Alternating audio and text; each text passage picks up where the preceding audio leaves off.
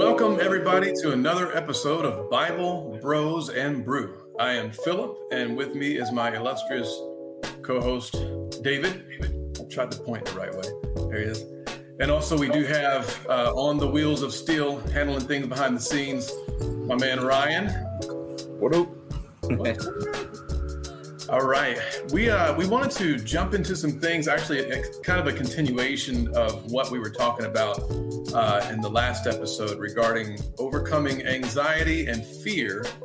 Uh, as you know, and as all of us know, fear and anxiety are something that seems to be a very common topic now. It, it's something that all of us have dealt with. I mean, at one time or another, it's it's pretty much endemic to the human race in one way or the other. Um, one thing that we have, you know, we talked about it earlier and discussed it, is that God does not want us to live in a state of fear or anxiety. It's not that we will never feel those feelings, because, you know, that would be unrealistic. But we do have tools and um, basically weapons from the Word of God to help us overcome those things uh, so that we can move forward even in spite of fear and in spite of uh, anxiety and things like that. And and it's not something that God necessarily wants you to manage. It's something He wants you to eradicate and be able to walk free from in your life. And so that's what we want to discuss today. And just to share some more scriptures about, um, you know, the, the biblical perspective of uh, what fear is itself and also the damage that it can do. And then um, also share some some remedies from God's word regarding fear and how to get rid of it and how to overcome anxiety and so forth. Um, but before we get into the the meat of it, I did want to go ahead and uh, ask the gentlemen about what brews they're having in their cups tonight. Uh, David, why don't we start with you, sir? What's what's in the brewer? Could we start with Ryan first? I'm really curious about his brew. Let's get it. Yes. I've got the Black Rifle, Coffee or Die. Ah, It's Dude. a life and death situation over here. yes, yes. Nothing like some emergency coffee when you need it. That's awesome, dude. I'm glad you don't have it behind a glass case where you got to break it and Yeah. it was it was behind the glass case. We broke it out. Nicely done, man. All right, David, how about your uh how about on your side? I'd like to introduce the good people to a new coffee today. Uh, this is Colombia Organic from Maze Coffee Roasters. This is a local roaster here in uh, the Atlanta area. Fantastically smooth, lovely coffee, nice notes. Highly recommended. Beautiful, beautiful. All right, well, I am currently sipping upon a cup of uh counterculture coffee. Oh yeah. This is a roaster. Um, I know they have like an outpost in Durham. I think it's Durham. No, Asheville. I'm sorry, Asheville, North Carolina. So they're Mhm. semi-local, but this one's called Big Trouble. It's kind of a medium slash dark roast with caramel and nutty notes. Nice. Because every like now and then, yeah, counterculture is good stuff, man. So, um, Caramel and- and equals no acidity. Okay. Yes, yes. Also, I did want to highlight this Boston mug that I bought one time on one of our trips out to uh, to Logan. Aw, look at that. yeah, man. Memories. All alone in the moonlight. We just did two different songs. I was going Barbra Streisand, and you went Cats. yes, is that what it is? I keep thinking it's Les Mis or something. I have no idea. I just No, know they don't song. want to have any memories of Les Mis, so it's definitely Cats. Wow, Dude, I just pulled out the remember back in what's that? You pulled out the Cats. That's a very interesting choice on your behalf. Dude, I'll tell you what it is, man. Back back in seventh grade, I was in a chorus class, and so um, we had to learn these different theater songs, and that one always stuck out with me. It is uh, the the memory song from I guess from Cats. So that's pretty cool. Because it was hauntingly beautiful. Yeah. yes. Yes. I could bring a tear to your eye on the right day. So, Right. but but anyway, Um, on to the topic at hand. We We'll put coffee links in the in the description below. Yes, thank you for for saying that. If you're watching on yeah, wherever you are, we'll put coffee links below. There you go. But one of the things that, that I think is so important, I know David, you feel the same way, Ryan too, is that if you have any situation in your life uh, where you're struggling or, or areas where you feel like you're just coming up against opposition of any kind, it's good to have a scripture that'll help you deal with that situation. Uh, because it's good to always remind yourself of the things that God has done and what He had promised He'll do uh, for you. And there's tons of, of promises from God in the Word, specifically regarding fear. I mean, there's actually whole chapters of books that deal with fear in, in the Bible. Psalm 91 comes to mind. But um, and so and that's what the thing we wanted to share with you guys this for this episode is just some good scriptures for you to stand on and and to speak over your own life so that you can start sowing a, a, a seed that can help you uproot the seeds of fear that may try to take root in your heart. But uh, David, did you have anything, any comment about that? You know, I was reminded, you know, in our study on Tuesday night, um, how Paul talks about this concept of, you know, when he's talking to Titus, he also said this to Timothy, and he says this in other books that he's written. He's constantly reinforcing this concept of remind them, remind them, Mm. remember, right? And so when we talk about having the word as a weapon, you know, it we're talking about you don't if I'm gonna say something crazy and I don't mean it really, but if you gotta cut somebody, you know, you don't and then you pull out your pocket knife one time and then the next thing time they come back for you, you don't pull it out again. Hmm. No, you keep pulling out your weapon to deal with the attack or whatever your enemy is trying to do against you.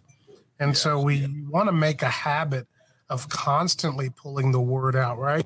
It's not a one and done kind of thing, it's a one and build kind of thing, right? Every time you bring that word out, you're planting that as a seed in your heart. It's growing roots in you, and it eventually becomes your second nature that if something is trying to come against you and instill fear in you, that your response is scriptural first, Yeah. not fear first. That's So good. that that's why you've got to take value and hold of the word and start sowing it as a seed in your life and watching it grow and serve you well. Great, great stuff, man. You know, it, it made me think of, um, I guess the question comes to mind, is there any kind of biblical precedent for, you know, this type of thing? Like, is, it- is it, is it proper if you're a Christian to, to speak scripture and things like that? Uh, or is that just a bunch of hogwash fairy tale stuff that people say doesn't work or whatever? Um, I thought about the, the whole chapter, I think it's in Matthew 4, when Jesus was tempted in the desert. And um, the kind of battle that he was fighting was obviously uh, very i mean it was it was intense even though we may not get that feeling from it when we read it. But we're talking about the son of god on a mission coming to earth to make sure that he doesn't do anything to violate god's covenant so that he can live that sinless life and and and move forward and and you know go to the cross completely justify all of mankind all those things like that. Um, and so that he could not fail in that mission when he was out in the desert. It was it was not even an option for him to fail. He had to make sure that when satan came to him with those different temptations he had some type of way to battle them off. Being a man who experienced temptation like we do. You know uh, there's a scripture in hebrews 4 where it says that we don't have a high priest who can't be touched with the feeling of our weaknesses. You know jesus being our high priest um, he was affected by those same temptations we are. That's what it says in, at the end of Hebrews four, and it says he was he was tempted in every respect, just like us, yet he did not sin. And then and, and so I believe that, of course, one of the biggest places in the Bible where that temptation was was you know where there's an account of it was in the wilderness in Matthew four. And um, I, I, Ryan, I saw you put it up earlier on the screen. I just wanted to so we can get that back up for a second. There it is. There it is. It says, uh, Then was Jesus led up of the Spirit into the wilderness to be tempted of the devil. And when he had fasted 40 days and 40 nights, he was afterward hungry. That's obviously a very big understatement. Uh, and, when the tempter came to him, he said, If thou be the Son of God, command that these stones be made bread. But Jesus answered and said, It is written, Man shall not live by bread alone, but by every word that proceeds out of the mouth of God. And then it goes on and talks about how the devil took him, took him up into the holy city, set him on the pinnacle of the temple, and said, If you're the Son of God, cast yourself down, for it is written. And so now Satan got wise to the game early on and said, Okay, Jesus is trying to come at me with scripture. Let me come at him with some scripture. He said, For it is written, He shall give His angels charge concerning thee. So Satan starts quoting Psalm 91. And then in verse 7, Jesus, is, Jesus has another scriptural uh, uh, rebuttal to that. He says, It is written again. He's like, Okay, you want to talk scripture? Let's talk scripture. It is written again, You shall not tempt the Lord your God. And then verse 8 again, the devil takes take them up to an exceeding high mountain, showed him all the kingdoms of the world and the glory of them, and saith unto him, All these things will I give thee if you'll fall down and worship me. And then Jesus said unto him, Get thee hence, Satan. In other words, get up out of here. For it is written, You shall worship the Lord your God, and him only shalt thou serve. And again, that was straight from scripture, like all the other, like the other two times as well. And so what we see, and this goes back to what you were saying, David, what we see is a biblical precedent for a person using scripture when he is enduring some type of spiritual attack from the enemy so that he can combat that thing not not physically. We didn't see jesus get into a fist fight with the devil. You know we saw him use the scripture and that scripture was sufficient enough to take care of business because in verse 11 he said then the devil leaveth him and behold angels came and ministered to him. The scripture alone and speaking god's word alone was enough to cause the devil to leave because I, I, you, I'd love that you use the term it set a precedent, right? Mm. In other words, um, it set a standard for how you should handle it. And if it was the way that Jesus handled it, then it should be the way that we handle these things as well. That's good. So it, it's a good pattern of behavior. And if you look at Matthew 4 and in your own time, just take a moment to dig into the three things that Jesus said. All of those were references back uh, Deuteronomy, and it was Deuteronomy and Isaiah, right? And um, I, I mean, he used scripture to answer the attack of his enemy. Mm-hmm. And so that is a pattern for us to use as well. Just like you said, I love that that precedent for how we should do this warfare. And don't forget, you know, in Ephesians chapter 6, when it tells us, you know, that we talk about the armor of God, you know, we put on the the shoes of peace, the belt of truth, the breastplate of right, righteousness, and then we put on the helmet of salvation. We take the sword of the Spirit, which is the Word of God. There you so go. So we see there in Ephesians that we're even seeing the Word refer, referred to as our offensive weapon. Yes. In the midst of that battle, because the shield, the helmet, the breastplate, all of those pieces, uh, in one sense, are all defensive pieces. They mm-hmm. are meant to guard different parts of the body from attack. Mm-hmm. And then you have this one weapon, the sword, that is designed as your primary offensive weapon, even though some would tell you that a shield could be used offensively as well. Right, but right. Your primary weapon being the Word of God in all that we battle. Man, good stuff. Good stuff, man. And and I think that um, you know how the scripture says, "Follow me as I follow Christ." I think right. Paul said that, and it also says in Ephesians five uh, verse 1, it says, Be followers of God as dear children, uh, be imitators of Him. And I believe that, like you were saying, and, and we were talking earlier, uh, Jesus did this to give us an example of how we're supposed to, to, to handle these things spiritually. Uh, because uh, well, we can we can actually go there to Second Timothy chapter one, and we'll see that the root of fear is a spiritual root. Um, Second Timothy chapter one verse seven, it says, "For God has not given us the spirit of fear. He has not given us the spirit of fear, but of power and of love and of a sound mind." So it's this is this is so powerful because whatever things you're dealing with, generally speaking, it has to be dealt with spiritually if you want to get to the root of it. Uh, there's an old saying, and I love it. It says, You can't kill a tree by cutting off the leaves. You know, you have to get to the root of things. And if we ever want to deal with fear and, and you know, get into a place where we can overcome it, we have to address it spiritually first. And this scripture by itself is a great place to start is one of the ones you can start speaking yourself. Like uh, if somebody asks, well, how, how do you do that? How do you apply that? It's very simple. Just you use it as a declaration over your own life and say, you know, Heavenly Father, I thank you that you've not given me a spirit of fear. You've given me the spirit of power and the spirit of love and the spirit of a sound mind. And it's interesting that those three things, David, are the absolute antidote to fear in every type of way. So, Phil, what stands out to me in those? Well, we can look at this scripture, right? And what do we gravitate towards? We gravitate towards love, right? Mm-hmm. Because it's what everybody knows, and we all want to feel loved. We want to be loved. We want to love love and all of that good stuff, right?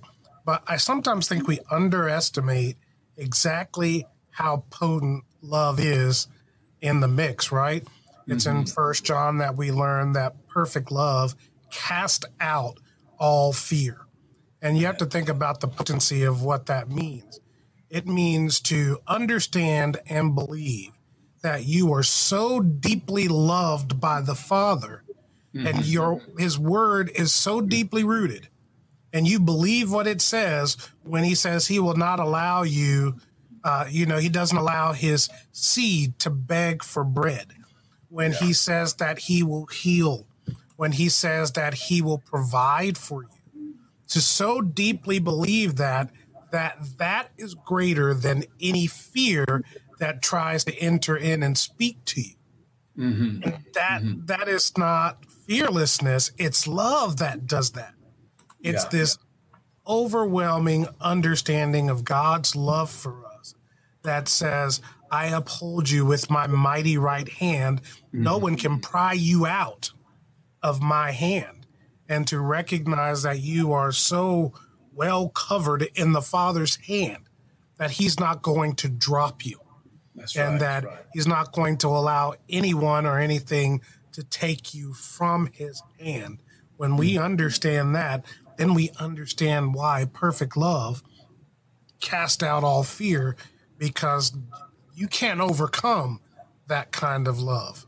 Mm-mm. You just think about it. Even when he talks about the fruit of the Spirit in Galatians chapter 5, after he says the fruit of the Spirit is love, and then he goes through all of the other fruit, then what does he say at the end? He says, Against these there is no law.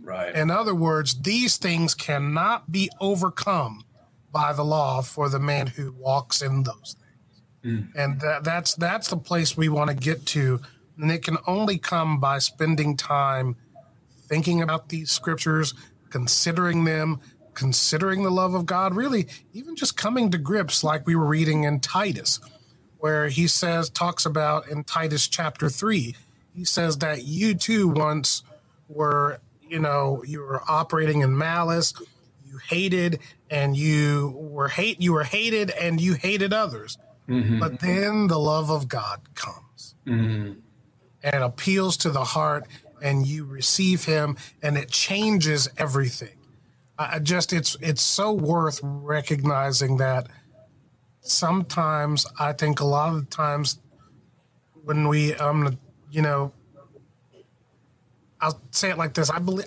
i believe that sometimes fear is allowed to linger in our lives. We allow fear to linger in our lives because we're not still fully sure that god loves us. Mm, yes. We're not we're not fully we're not fully convinced that you know, and then we get into stuff like we start worrying about our own failure in it. And because we failed, God can't possibly love me because mm-hmm. I don't love me because I failed. So how can he love me if even I don't? My mama don't love me. She told me she didn't love me. You know, all of this other stuff. And we let all of these things get in the way and we start thinking and treating God like he's a man. Mm-hmm. And he's not like men in his thinking. He's not like men in the love that he gives. His love is unconditional and it already foresaw the mistakes that you would make and where you would err. And he still said, I choose to love you. Not because I'm obligated to, but because I want to love you. Mm. Mm-mm. I mean, think about First John 4, like you said, God is love. Mm. That's verse verse 8 of First John 4. Right off the rip. Yeah. And in that same chapter, like you said, it goes down and it says, There is no fear in love, but perfect love. There it is. Thank you, sir. There is no fear in love. The NIV, perfect love drives out fear because fear has to do with punishment. That that's know, the you know, that's a cool thing right there. I love how the King James says that. Uh, if you scroll down just a little bit, um, it says that um, I think it's the it says because fear has torment. Torment with it. Mm. And isn't that what we allow fear to do? It torments our minds. Yeah. Yeah, and yeah. it just comes at you and at you and it keeps coming and it keeps coming and you're envisioning scenarios you're seeing this bad outcome and it just keeps coming and coming and coming and we embrace it rather than resist it mm, mm, mm, mm. goodness man and you know I, I think it's one of those things where you have to begin to separate what you feel from what you believe. Come on, come on all the way through, Philip, and talk about it for a minute. That's good.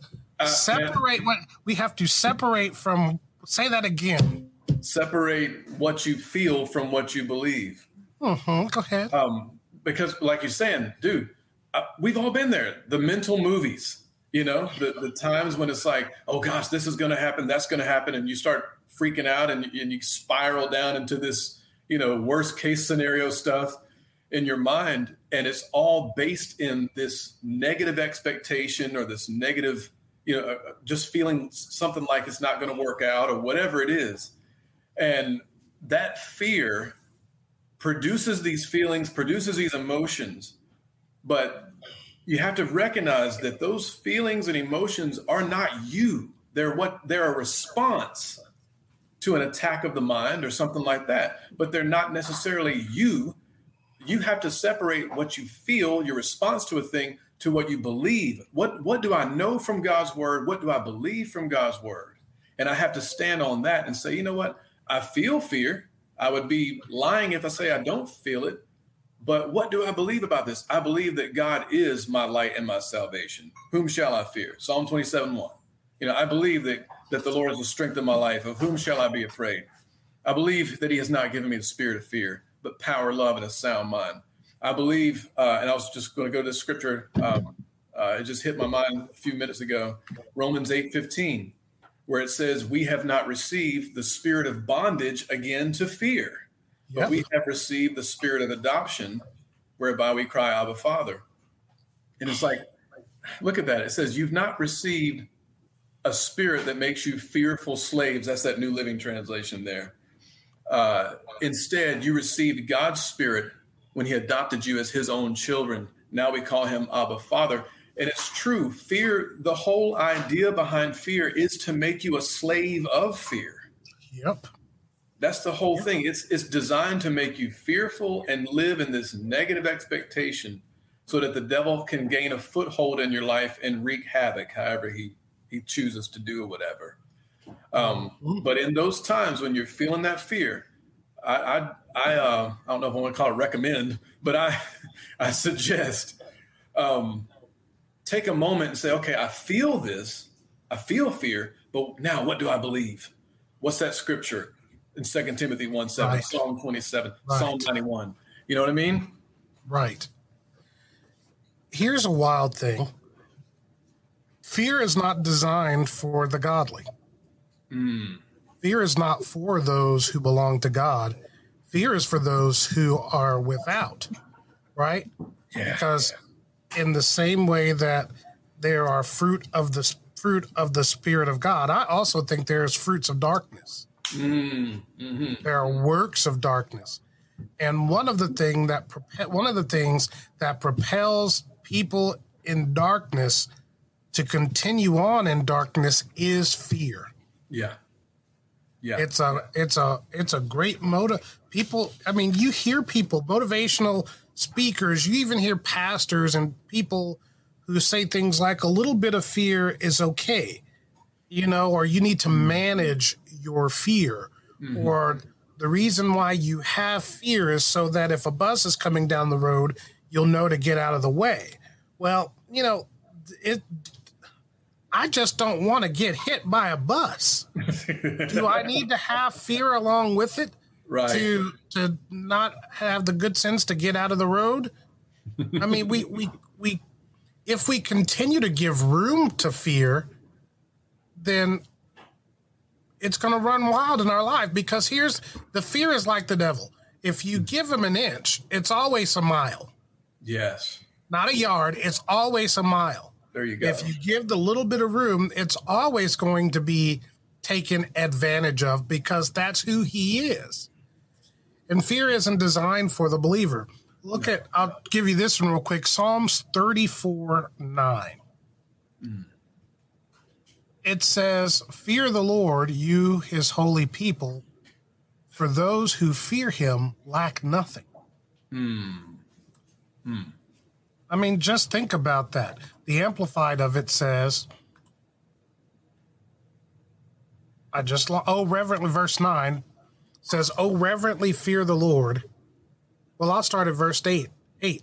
Verse 8. It says, Oh, taste and see that the Lord, our God, is good. How blessed, fortunate, prosperous, and favored by God is the man who takes refuge in him. Mm-hmm. Oh, reverently fear the Lord, you his saints, believers, holy ones. For to those who fear him, there is no want. The young lions lack food and grow hungry, but they who seek the Lord will not lack any good thing. Come, you children, listen to me. I will teach you to fear the Lord with awe inspired reverence and worship him with obedience. Who is the man that desires life and loves many days that he may see good? Keep your tongue from evil, your lips from speaking deceit. Turn away from evil and do good. Seek peace and pursue it. Mm, mm, but the mm, man who fears the Lord, and remember, we're talking about to be to fear the Lord is to reverently and be in awe of Him, to worship Him, to Yeah, recognize. Um, even Jesus said it uh, back in Luke. He says, "You know, you want to know what to fear? Fear the Lord, who is able to both heal the body and the spirit." But fear man, fear the things of this world. That's not what what we're supposed to. Luke twelve five says that. Uh, I'm going to read it out of the New Living. He says, "But I tell you whom to fear." fear God who has the power to kill you and then throw you into hell. yes, he's the one to fear. Yeah, I'd say that's a pretty good reason right there. Right? But it's like we and even that type, you know, it's even to again say it is to reverence God. It is to recognize that he is the all powerful. He's the one that created me. You know, like Bill Cosby used to say to Theo, I bought you into this world and I'll take you out. Right. It's actually it's true about God, right? It's really true about him. And that's where if there is a fear to be had, it is not a frightened God doesn't even just think about it. In Genesis, um Adam said after they had sinned, God came into the garden and said, Where are you? Mm-hmm. And Adam, for the first time, said something to God that he had never said before. He said, We were naked and we were afraid. Mm-hmm. Notice God didn't say, Why were you afraid? He said, Who told you you were naked?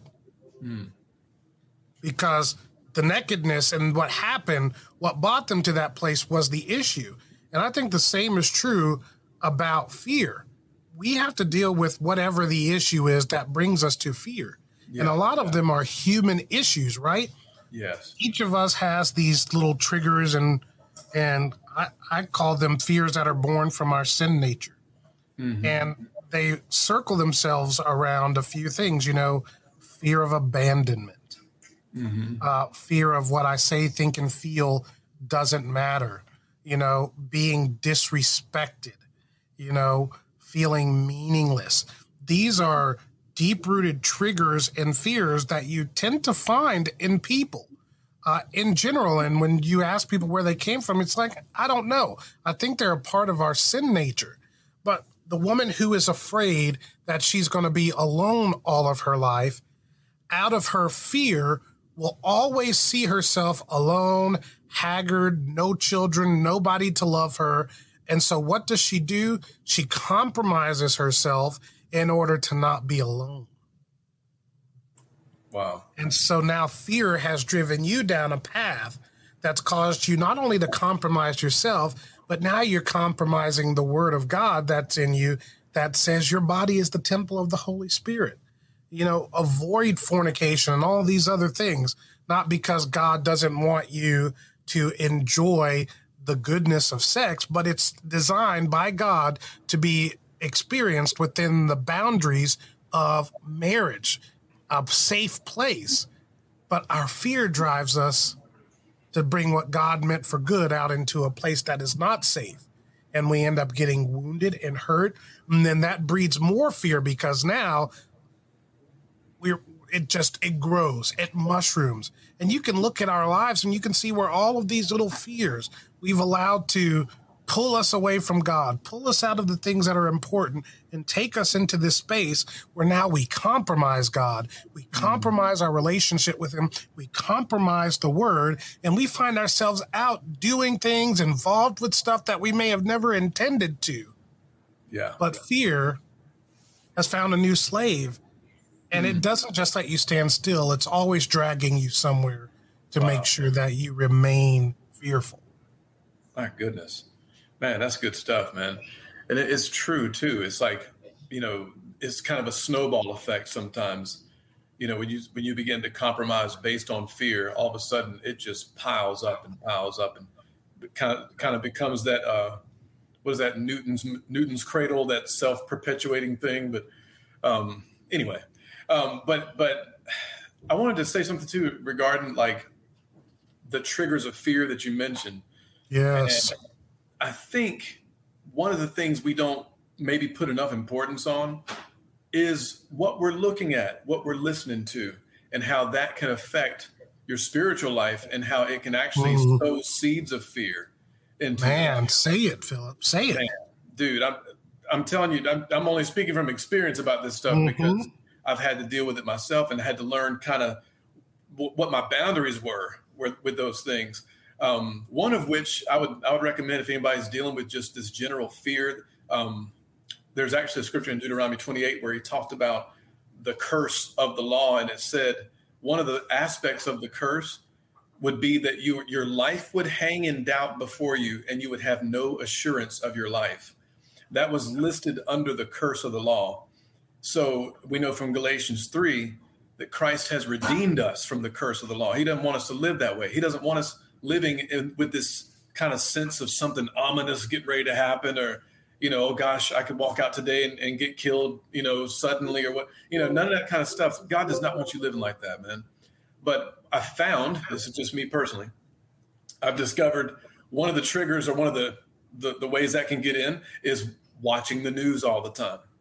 You know, um, you know, can I, can I, can I tell you that Please. After listening to so much of that COVID stuff oh. last year, you know, one night I felt like my throat was a little scratchy, and five minutes later, I had COVID and I was dying. Dude. And it was it was it was ridiculous. Yeah. It was ridiculous for me to feel that way, but so much, so much fear being sowed. They yeah. should call this a fear demic. Mm, come on, man. Come on, man. that's the truth of it right there.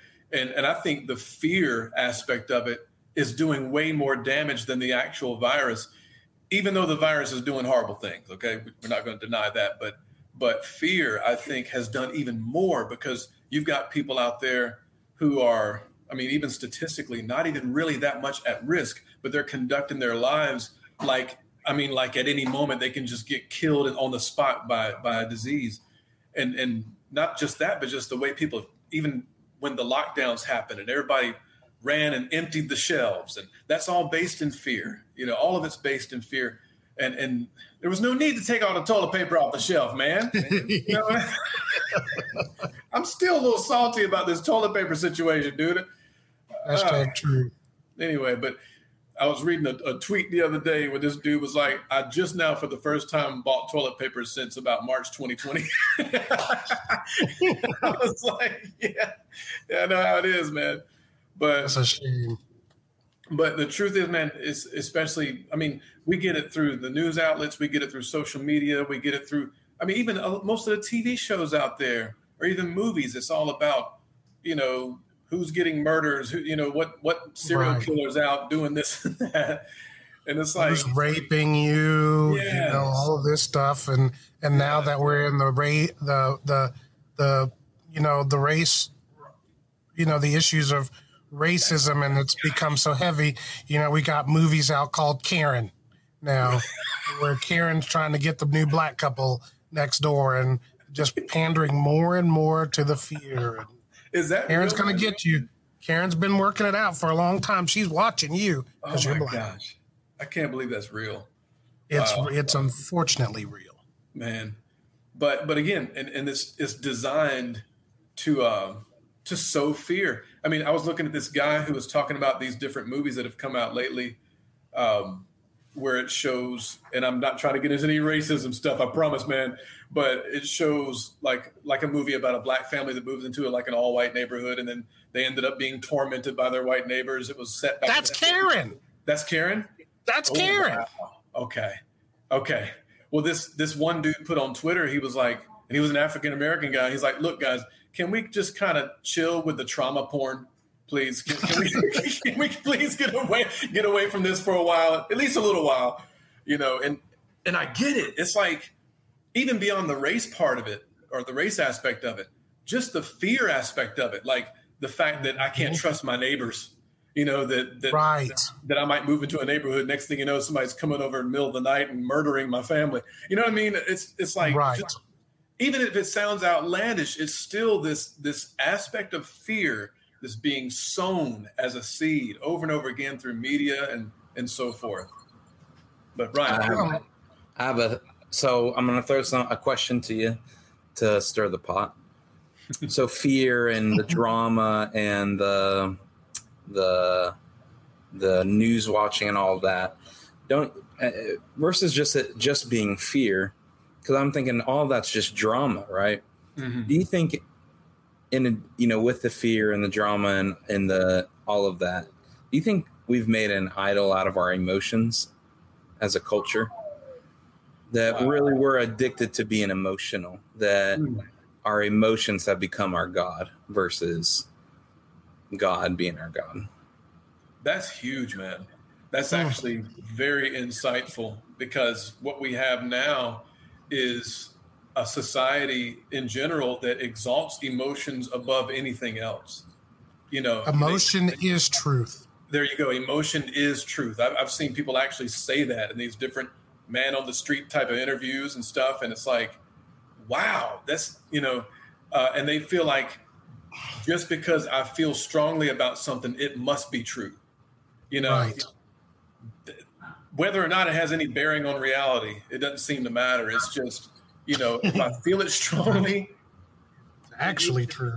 Yeah, and it's like, you know, this is why we were talking earlier about learning how to separate what you feel from what you believe. You know, you have to get to that place where, um, because you are killing that idol of emotionalism by doing that. You know, um, I, I, Ryan, that's good, man. I, I, think that's a perfect way to describe it. It's like making an idol out of your emotions, right? And you know, that's going to lead you to a place where you're constantly being tossed to and fro, just like the Bible says. Right. Yeah, it reminds me. There's this song. I'm gonna see if I can um, find the lyric real quick. But there's a song that I've been listening to um, lately because it just really kind of has registered with me, and it's this song called "Fear Is Not Welcome." Mm. And um, the first part, the first lyric of it, and this is what always gets me. It says, "Let me begin and confess I need your healing." I made a friend of the fear I've be- been feeling. Mm. I have, uh, and I believed the lies it spoke that led me into doubt. But I'm calling on your angel armies now. Mm. For fear is not welcome. Fear is not welcome in my heart anymore. Mm. But you know, it registered with me so much because we do we get kind of comfortable with the fear, Yeah. and Yeah, then all of yeah. a sudden we make it our friend, and we don't realize that it's that it's that friendship with fear that we've created that's driving these wild emotional responses. I mean, just even think about it with your kids, right?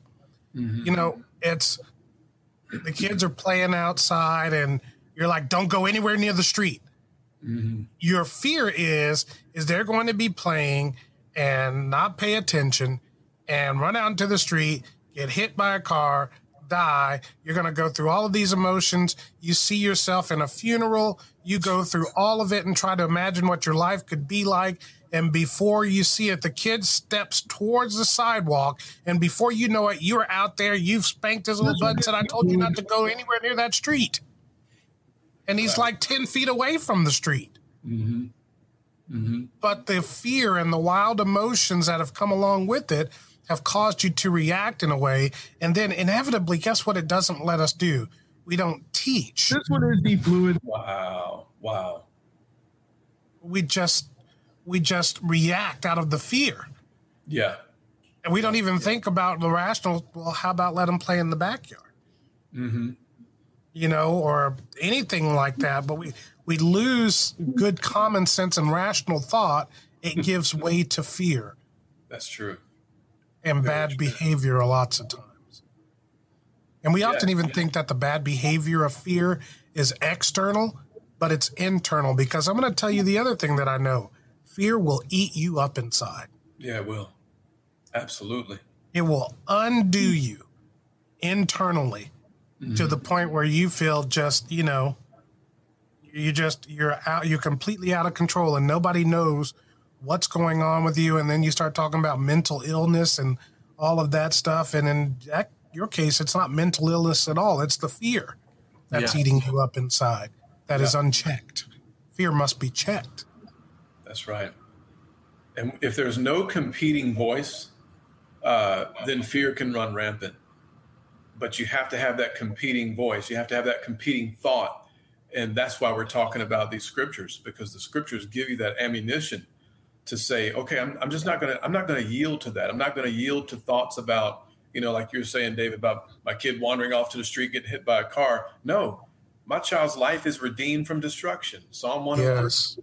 You know, yes. uh, no weapon formed against my child will prosper. Isaiah 54, 17. We, we have the tools through the word to combat these things, and we have to be serious about using them. And there's no there's no substitute for speaking God's word. That's that to me is is where you you begin that process of overcoming fear and and you sow enough of the word in your heart through hearing yourself say it through speaking it out of your mouth you sow enough of that word in your heart just like we, it goes back to the parable of the soil man you know you you sow enough in your heart and it begins to uh, overtake and and if you can imagine like a, if your heart's like a container that's 10 ounces if you've got eight ounces of fear and two ounces of word you know you're still going to be governed by fear. You got to pour that stuff in. You got to pour the scriptures in and and to where you can just outdo and out honestly just kind of flood out uh, those thoughts and ideas and images of fear. That's good, Philip. And I love what you said a minute ago about a competing voice, right? Because wouldn't you, I'm not trying to derail our subject, but even with all the things that are going on in our world today, part of the problem is we have created so many echo chambers, Mm. you know, that there is no competing voice in all of these different echo chambers that says, wait a minute, maybe we ought to look at it this way. Or at least mm-hmm. be aware that there's an alternative voice and take opportunity to hear it. Again, similar to what Ryan was saying, we immediately jump on a headline and we mm-hmm. get bound up in the emotion of the headline and how we feel about it and that com- that is the beginning of how we start writing our responses and then we listen to this y'all we are guilty also then of spreading fear right? Because we see the guy the headline you know we see this post you know i just had friends uh you know send me a, a text saying you know my cousin's sister third removed from my other brother is a nurse. And she said and then it's some stuff that's like it's demonstrably untrue i mean the, the even even the cdc doesn't say that. You know what i mean? But Yeah. you passed it on to me and if i would have just stopped in the first couple of sentences i could have joined you in fear and then i could have spread it. And when we're sharing these headlines with no understanding of the content yet you guys you have to realize part of our business that we deal with is you know the whole concept of marketing mm-hmm. is highly designed around garnering an emotional response from you as a consumer Yes. in order to cause you to take an action yeah. when it comes to products, they want you to buy the product, share the product. When it comes to headlines, they want you to consume that headline. We want you to share it because in the old days, used to be we want you to buy a newspaper. Now mm-hmm. we just want the headline to go viral. There you go. And That's we're it. all playing a role in it. And there's even this piece that's called emotional marketing mm-hmm. where they're not appealing to you from a perspective of trying to give you understanding and information so that you can make an informed decision. It mm-hmm. starts with when Janie so and so was 16, she would have never dreamed that her life would become the story that it is now. Mm-hmm. Mm-hmm. And see, now they're trying to, that, that emotional hook, because you had dreams when you were 16 too, right? Right. Well, Janie's just a normal person, just like you. But three days ago, something she never thought would happen happened. She was walking down the street and see what you see. See the hook. It's mm-hmm. always pulling. The hook is always out there to get you to come in because if you're afraid, you will be consuming. Mm, that's good, But man. the moment you stop being afraid, you'd stop buying the garbage. You Right. stop watching the news. You stop buying into all this stuff. Look for reliable resources, but then you go on trusting God that no matter what's going on, y'all can have the Delta variant, y'all can have the Victor variant, y'all can have the, you know, the Sia variant, you can have the Milli Vanilli variant, variant and all that. I trust the Lord. And that is my stance throughout all of this. I trust God Yes. above all. And we just got to get to that place. Go ahead, Ryan. Well, I think um, one thing that that's happened with me when when I came to the revelation that maybe my emotions were my idol, including, and I think fear um, is probably one of the most powerful ones, right? That, that fear, you know, I think that's why you're talking about it today, is because it is so powerful, it is so controlling and crippling. But mm-hmm. when I came to the revelation that maybe maybe my emotions are my idol, even as something as simple as watching an advertisement, I came to the revelation and I was consciously aware of, oh, they're just trying to play with my emotions. That's not really something I need or want. You know, I don't really need that that beer because I, emotionally they did a good job of trying to sell it to me. Or that car insurance, that commercial made me laugh. But if I'm honest and I compare these two, it, the less funny commercial is actually cheaper and and so I became consciously aware of it, and a it saved me a lot of money, and then the Holy Spirit was able to truly lead my life, even as something as carnal as buying car insurance. That's good, Ryan. That's good. Yeah, it's, it's and that's the whole thing. We have to realize, uh, and just like you were saying, David, too, you know, they they love selling the sizzle. You know, they're they're not really concerned about, uh, and they don't really want to even get into the details of the actual benefits of the product. You know, it, or, or nope. even the, the legalese or the fine print. It's always just let's put an emotion out there that we want to hook you with, mm-hmm. because they understand human beings do not always behave rationally when their emotions get riled up. Uh, that's just the way it is. So we have to be a, a, little bit beyond that, especially you know in regards to how we handle fear in our lives, and say I'm not going to get hooked into this thing to the point to where it's you know debilitating. I'm going to make sure that I am using God's word and and providing that competing voice to those different uh, fears and anxieties that try to try to you know keep me under their thumb, you know. Um, but we we are coming up on our our uh, time limit, I guess. Yeah, we're almost an hour into it, man. So I wanted to go ahead and just see if we can uh, transition to some final words because I don't, you know, there's so much we could say. We could go on for two hours, but we probably have to split this one up. Praise the Lord. Yeah, that's good. I want to give you Galatians 5 1 real quick. For, for freedom, Christ has set us free. Stand firm, therefore, and do not submit again to a yoke of slavery. When Jesus came, when he died on that cross for us, and he uh, destroyed the chain, one of the things that was destroyed in that mix was the power of fear, the chain of fear, if you would.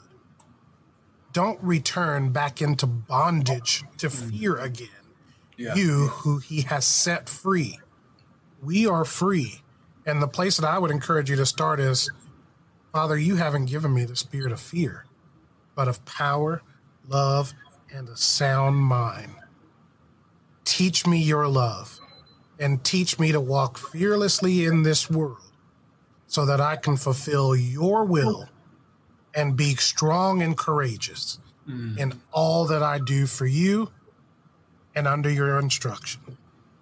That's good, man. And let that be your starting place. But kick fear out. Kick fear out today. Don't hesitate. Don't wait. Just like that song says, fear is not welcome in my heart anymore. Father, I evict fear from my life and I ask you to help me to keep it evicted. I will remain free in you. That's good, man. Good, good stuff.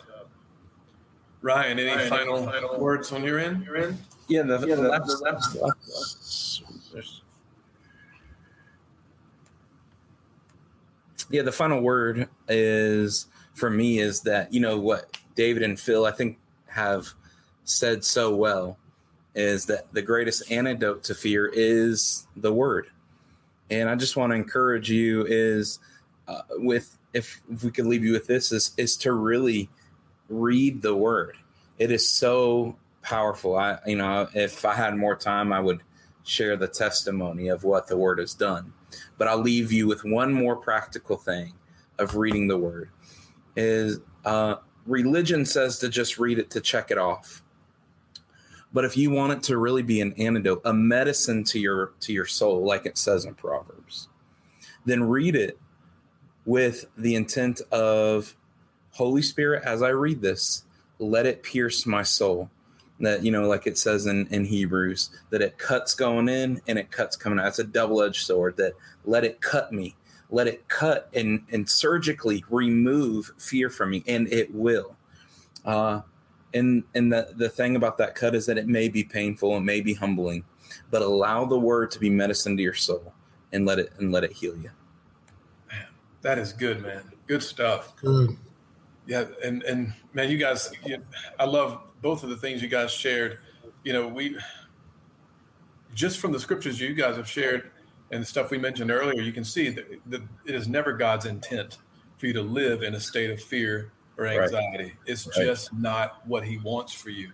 Never. Um, and as we mentioned earlier, knowing how much God loves you and knowing how much uh, He invested in you, Mm. you know, through Christ. I mean, He didn't send Jesus to the cross so that you could still be and act the same way you were before you got born again. You know, He wants you to live above those situations and those anxieties and those fears. He wants you to live free from them completely. He doesn't want you to get bogged down with that stuff. Uh, that's not the way He's designed for us to live this this uh, spirit-led life, if you want to call it that. Um, and I'll, I'll, I'll close out with this, but when Jesus was with the disciples and they were crossing over to the other side um, in Mark 4, to the other side of the Mediterranean, um, he said, he said, let's go to the other side. And then it talked about how a storm uh, started whipping up out there in the middle of the sea. hmm And the disciples were freaking out. I mean, it was obviously a pretty bad situation because they were like, Master, you know, they, they woke him up. He was asleep in the boat during the Sleep. like this intense storm. Jesus is knocked out on a pillow in the back of the boat. And they come and wake him up. Master, don't you care that we're perishing? And the first thing he said was, Where is your faith? Mm. Why are you so fearful? What's the issue here, man? You know, I said we're going to the other side. That means we're going. Mm. There are 15 hurricanes hit between now and then. we're all going to make it over there. Who are you preaching? You preaching?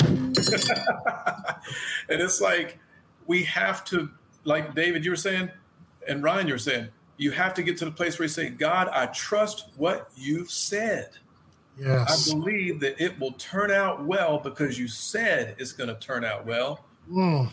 even if it looks kind of intimidating at the moment, I still have to believe. You know, That's that's good, Philip. I said we're going to the other side. praise God. Praise God. That settled it from that moment. you know what I'm saying? So, I'm about to get a short distance run in across. yes. All we need is the praise music. You know, I said we're going to. praise God. But it's true, man. You know, whatever he said, his word will not return to him void. You know, Mm. so we can put our trust in it and know that he's that he will he will do what he said he's going to do. Um, but on that note, guys, we're going to conclude Go here. rock my world for half a night. I said to the other side. Well, I hope that you guys who are, who are viewing as well, um, please let us know in the comments your thoughts, comments, And listening. and listening. Absolutely. Uh, and of course, you can always send us your responses at our email address, which is uh, gotbrew at biblebros.net. Once again, that's gotbrew at biblebros.net. You can also check out more of what we do in terms of Bible study, resources, and things like that at our website, foundationsgrp.com. Again, foundationsgrp.com. But um, until next time, I'm sure we'll probably have even more to say about this topic, man. I feel like we still didn't barely scratch the surface. But um, until then, on behalf of David, Ryan, and myself, we say we're signing off. God bless you guys, and we will see you again very soon. Some people call that first down. That's my, I said we're going through to the other side. there you go. Won't he do it? Yes, he will. Man, that's good. That's good. Praise God.